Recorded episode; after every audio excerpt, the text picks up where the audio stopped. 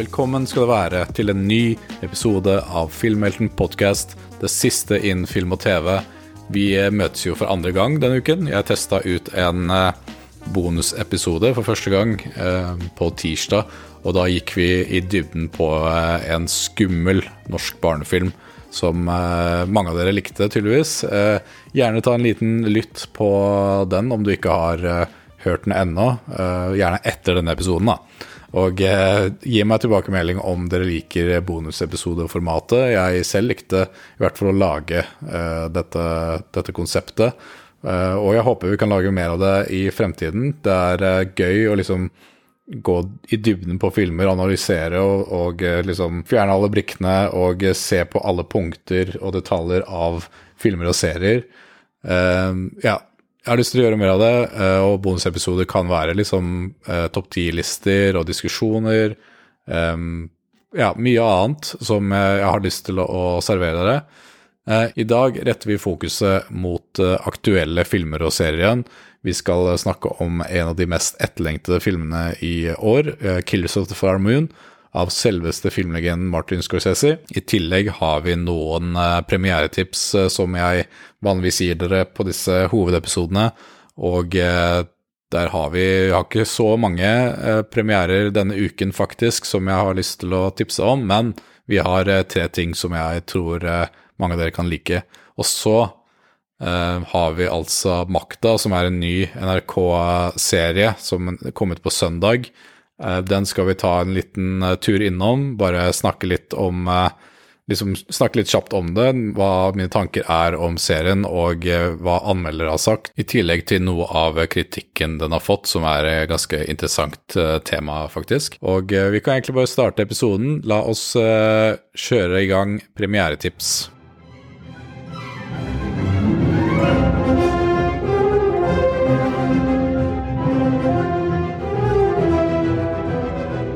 Denne uken er det ganske rolig, egentlig. Eh, jeg har to, nei, jeg har tre eh, tips til dere. To serier og én streamingfilm. Eh, jeg har ikke sett noen av disse selv, men ut ifra trailere eller menneskene som har jobbet bak disse prosjektene, så ser det liksom ekstra spennende ut. Den første er All the Light We Cannot See, som er en fiktiv krigshistorie basert på, en, basert på boken med samme navn. Den har premiere på Netflix i dag. Uh, dette er en uh, serie, en ny Netflix-serie, altså en opsjon, uh, som jeg ser for meg mange har gleda seg til, fordi det er en bok som veldig mange Som har fått veldig mye ros, da. jeg tror det er en sånn derre historical fiction som er ganske på topp på listene. I tillegg kommer sesong to av Invisible, som er en ekstremt undervurdert animasjonsserie på Prime Video om du liker The Boys, f.eks., så eh, kan jeg sterkt anbefale den for deg. Fordi det er liksom en eh, superheltserie hvor eh, liksom moraler virkelig blir testa på samme måte som på The Boys. da. Den har premiere på fredag. Og til slutt så har vi en ny Apple TV Plus-film som heter Fingernails. Fingernails er overraskende creepy navn, egentlig, men jeg, vet ikke, jeg er litt usikker på hvor, om det er liksom en creepy eh, film, eller om det er mer sånn drama.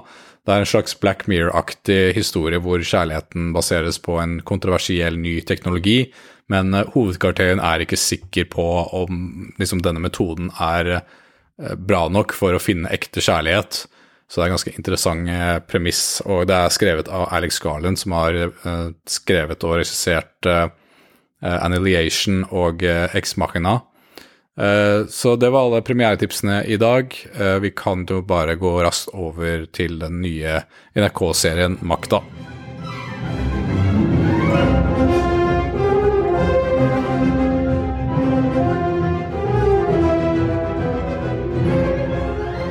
På søndag hadde jo Makta om eh, Gro Harlem Brundtland og Arbeiderpartiet premiere. Eh, to episoder kom ut eh, ved premieren, og serien har fått veldig mye ros fra norske anmeldere. I tillegg har den jo funnet en eh, pris for beste serie, eller to priser. Beste serie og beste musikk under den prestisjefulle seriefestivalen i Cannes. Så forventningene er jo åpenbart skyhøye her. Jeg regner med at anmelderne har sett flere episoder, eller kanskje hele sesongen. Dette er en miniserie, og ja, jeg tipper jeg tror NRK pleier å gi ut liksom hele sesonger når de gir anmeldertilgang. Så det jeg snakker om i dag, er bare basert på de to første episodene, som alle andre. Og jeg har faktisk kost meg veldig så langt. Det, det, som skiller seg mest ut for meg her, er jo allerede på en måte i måten de har valgt å fortelle en biopic på. Da. Det er jo ikke en biopic, men det er en på en måte en serie basert på, som de NRK har sagt selv, sannhet, løgner og dårlig hukommelse. Så det er nesten litt som The Crown, bare mye mer satirisk og selvbe selvbevisste på hvordan eh, de forteller det. Eh, de filmet jo serien i Oslo med f.eks.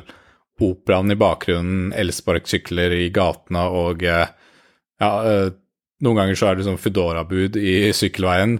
Så det er, jo, det er, jo, mange som har stusset på akkurat dette, og det er jo det, det som serien har fått mest kritikk for. Forståelig nok så kan jo moderne elementer dra deg ut av eh, illusjonen om 70- og 80-tallet, som serien er basert på. Um, og ifølge serieskaperne så hadde de ikke nok budsjett eller nok ressurser da, for å regulere dette og tilpasse dette, og endre liksom Oslos gater. Men uh, det jeg liker ved dette, er liksom at de blender det inn i historien så sømløst, og det blir liksom en del av karakterenes liv. Det er jo det er et sykkelbud for eksempel, som krasjer borti Reiulf Steen helt i starten av første episode, som er litt morsomt og gir en sånn interessant idé om at disse menneskene er i omgivelsene vi lever i i dag. Det er jo på en måte en framtid de har hatt en innvirkning på selv. Og jeg sier ikke at Arbeiderpartiet startet Foodora eller uh, Voi, men sånn helhetlig sett hvordan Oslo ser ut i bakgrunnen. I tillegg blir det en gøyal spinn på fakta og fiksjon, og dette er jo noe de er ganske ærlige om i serien også Eh, serien starter jo til og med eh, med at eh, Jan Gunnar Røise, som spiller Reidulf Steen, har en monolog, og så spør skuespilleren om de kan prøve på nytt. Så det er nesten som et teaterstykke som går inn og ut av den fjerde veggen. Når det kommer til skuespillerprestasjonene, så syns jeg alle er ganske flinke. Katrine Thorborg Torp leverer sin egen tolkning av Gro Harlem Brundtland på en veldig god måte. Og jeg digger virkelig energien til Arvid Engen, som spilles av eh, Trond Espen Seim. Jeg gleder meg til flere episoder, og det er forfriskende å se serier som eh, dette blir skapt i Norge. Så ja, mer av det, egentlig, ass. Eh, vi kan egentlig gå over til hovedretten. 'Killers of the Flower Moon' serveres nå. Move, said the great white father. There are many so many hungry wolves. Can you find the wolves in this picture? Ja, uh, hvor skal man egentlig starte med denne filmen her? Altså, noen ganger vet du, så kommer det ut filmer som er så uh, sinnssykt mye å dra inn at du, at du klarer liksom ikke å samle tankene dine før du før du skriver det ned. Og jeg skulle nesten ønske jeg hadde en notatbok i kinosalen uh, og skrev liksom alle punkter jeg hadde om filmen mens uh, filmen gikk. men da hadde jeg også missa veldig mye, fordi du tenker kanskje at med en film som var i tre og en halv time, har, har man liksom tid til å sjekke mobilen, scrolle litt der, gå på do, kanskje ta seg en eh, lita tur innom eh, kiosken. Uh, men nei, altså, ikke gjør det. Fordi jeg kan, jeg kan bare si at Vet du hva, først og fremst Om du er en av de som scroller på mobilen på kino, bare ikke dra, bare dropp det. Det er så irriterende når folk gjør det. Bare dropp kinoturen. Uansett, nei, altså, du må få med deg hvert eneste millisekund av denne filmen. Hver eneste detalj, hver smule med informasjon som filmen gir deg. Ingenting er kastet bort i, altså, i filmen til Martin Scorsese. Det er en true crime, det er en romanse, det er en western, det er en whodunit. Med en ordentlig, ordentlig dyp og viktig historie.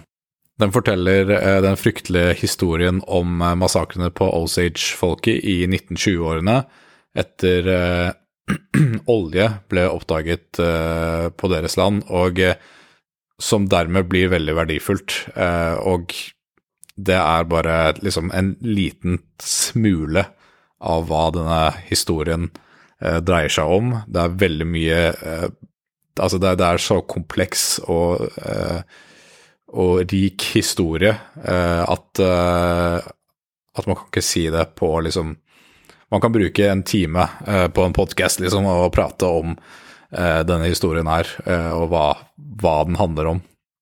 Det er en stjernetung casting med blant andre Leonardo DiCaprio, Robert Niro og Lily Gladstone, som spiller menneskene i kjernen her.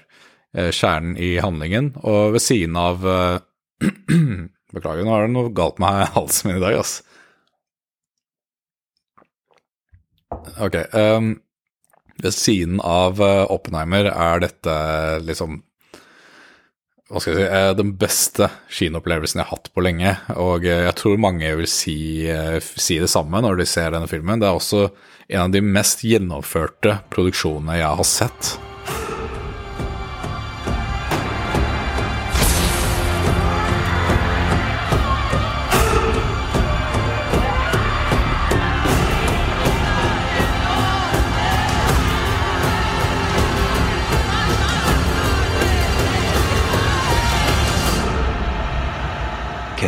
Find the wolves in this picture?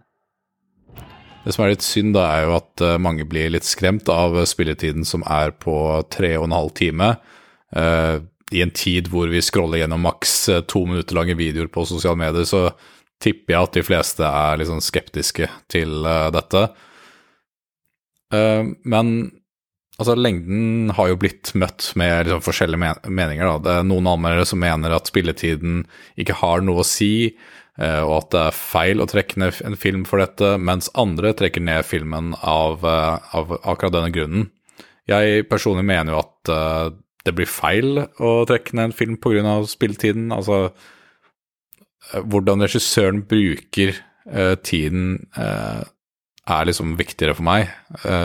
men å påpeke at en film er dårligere bare fordi den varer lenge, synes jeg blir litt for billig. Jeg bryr meg ikke om uh, hvor lang en film er, uh, så lenge liksom bruken av tiden er rettferdig. Og noen av de beste filmene noensinne er over tre timer, til og med fire timer.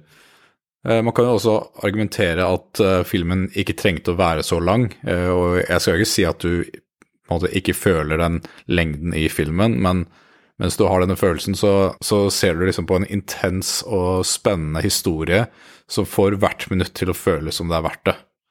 Og herregud, vi snakker om en filmlegende her, Martin Scorsese. For han kan jeg holde av ti timer om jeg måtte det. Whose land is this? My land. Well, well, well, our war hero has arrived. Når det kommer til handlingen, så oppleves det nok forskjellig fra om du har lest boken eller ikke.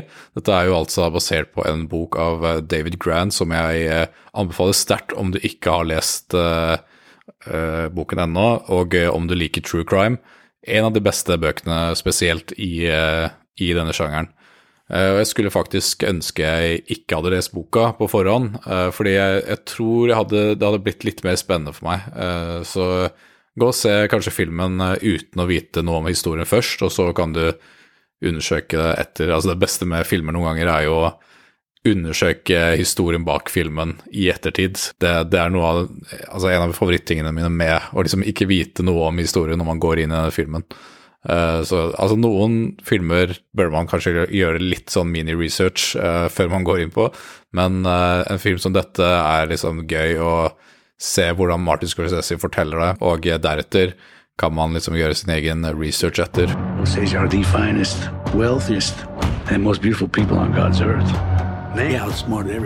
Fordi filmen fungerer nesten som en sånn spennende historietime. Uh, Scorsese bygger opp hele handlingen og alle andre aspekter med en så tilfredsstillende rytme. Uh, klippingen til hans hyppige samarbeidspartner uh, som heter uh, Thelma Schumacher, er uh, Altså, klippingen hennes er helt mesterlig utført, og det, hun er jo en veteran i dette yrket her. Har jobbet med Martin Scorsese i Jeg vet ikke om det er alle filmene, i hvert fall så å si alle. Og uh, en handling som dette trenger liksom nøye utførelse og presisjon. Da. Det, er, det er et viktig stykke med historie, spesielt uh, de som ble påvirket av uh, mordene. Og, og det, er, det, er, en hendelse som fortsatt har påvirkelse på hverdagen vår. Det som skjedde med Osage-folket av uh, hvite maktsyke menn, er, det er bare opprivende og skremmende. Og det mange kanskje ikke vet, var at uh, dette her er faktisk den første store casen til FBI, og som var med på å liksom, bygge FBI som de vi kjenner det i dag. Uh, så det er en ganske sånn interessant fakta, og de er jo med i filmen. Men det er, ikke, det er ikke sånn superstort fokus på det. De går litt mer i detalj på det i boken, da. Så man merker da at Scorsese gikk inn for å liksom gi historien rettferdighet og fortelle med, med presisjon. Og det som skiller boken og filmen betraktelig, er hvordan de gikk inn for å fortelle dette nesten gjennom en kjærlighetshistorie. Eh, de går veldig inn på liksom ekteskap, eh, tillit og overlevelse ved siden av dette hele maktspillet som foregår rundt dem eh, med disse pengesyke menneskene. Så for en kjærlighetshistorie å være, så er den ganske kald og ikke særlig uplifting, for det er mye bedrag og egoistiske valg som blir tatt her. Og eh, historiefortellingen i kombinasjon med liksom eh, klippingen, filmfotografien, settdesignet eh, og filmmusikken eh, får alt til å bare føles så ekte ut. Og det er nesten som du er en del av det som skjer i historien.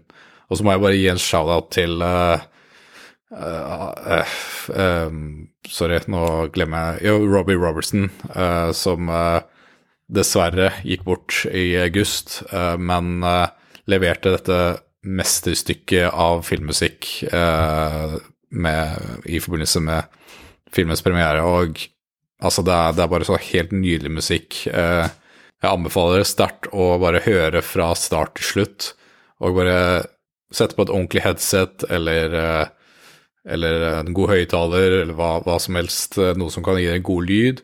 Og eh, hør fra start til slutt, og bare innlev dere i denne historien som eh, han har laga. Du blir bare hypnotisert av det. That's how you are. I don't know what you said, but it must have been Indian for handsome devil. Filmen har jo fått litt kritikk uh, for at det har blitt liksom fortalt fra perspektivet til uh, Ernest uh, Burkhardt, som er spilt av Leonardo DiCaprio, og ikke kona, Molly Burkhardt, som er en Osage og offer i hele maktspillet. Så jeg kan jo forstå kritikken, faktisk. Det er, det er liksom det er noen øyeblikk vi ser fra Mollys perspektiv, det er, så det er noe som er fortalt fra Eh, noen av Osage-medlemmenes eh, perspektiv, men jeg tror vi gjerne kunne fått litt mer av det. Eh, og samtidig da liksom noen flere scener med lille Gladstone som spiller Molly. Why did you come here?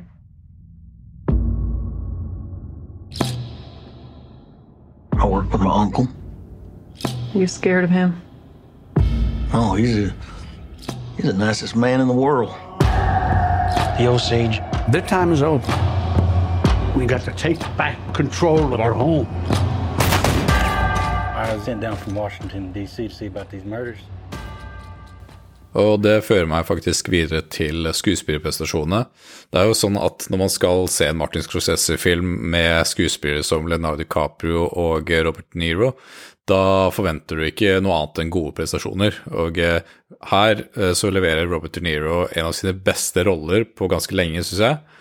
Og han spiller en sjarmerende og godt likt mann som på innsiden og utsiden også er en liksom, djevelsk person. Uh, og han fremstiller dette på en sånn sømløs måte.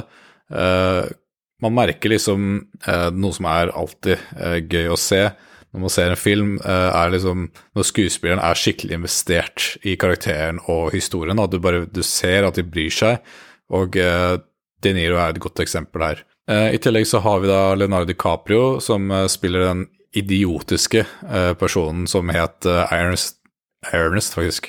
Ernest Burkhardt. Han, han er nivøen til De Niros karakter, og DiCaprio er sterk her, men vi har jo sett bedre av han tidligere, liksom. Han har så mange andre gode roller han får, har liksom fortjent en Oscar for.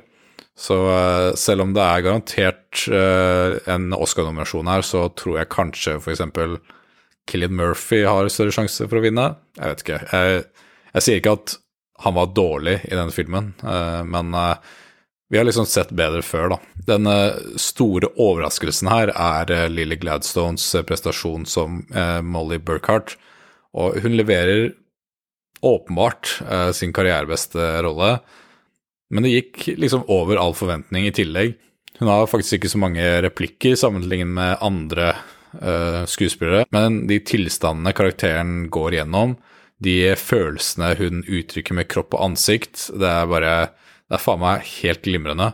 Jeg ser for meg at hun fort kan vinne en Oscar for beste hovedrolle, og eh, som sagt tidligere skulle jeg gjerne ønske at vi fikk flere scener med henne, fordi Mest egentlig fordi jeg bare likte prestasjonen hennes så godt, da. Den eneste som jeg kanskje er litt usikker på når det kommer til eh, levering av en troverdig karakter, er eh, Brennan Fraser. Og uh, det er ikke sånn at han gjør en dårlig jobb her, ikke, ikke det hele tatt. Han er en dyktig skuespiller. Jeg er glad for at han er i rampelyset igjen. at han får sjansen til å jobbe med Martin Scorsese og disse andre talentfulle skuespillerne. Og han fortjente helt klart Oscaren han fikk i år. Men selve leveringen av advokaten til Robert De Niros William Hale-karakter virket nesten litt malplassert. Jeg vet ikke hva det er, jeg, klarer ikke helt å sette fingeren på det, men det kan være jeg bare overtenker, altså. så ikke la det ødelegge for deg. Det var bare noe jeg tenkte på mens jeg så disse scenene, at, at det føltes litt malplassert ut. generelt så leverer absolutt alle skuespillerne i denne filmen sterke prestasjoner. Alle fra statister til sidekarakterer som har liksom to sekunder på skjermen. Altså, verden rundt føles så ekte uansett uh, hvilken scene det er. Og det er kult at Martin Scorsese inkluderte mennesker fra Osage til å spille forfedrene deres i tillegg. Og det merkes skikkelig og liksom respekten han har uh, for denne historien og dette folket. Til sist vil jeg nevne at filmen avslutter i tillegg på en veldig interessant og smart måte. For du, forventer liksom at det kommer en svart skjerm med tekst som liksom forteller hva som skjedde videre med disse menneskene.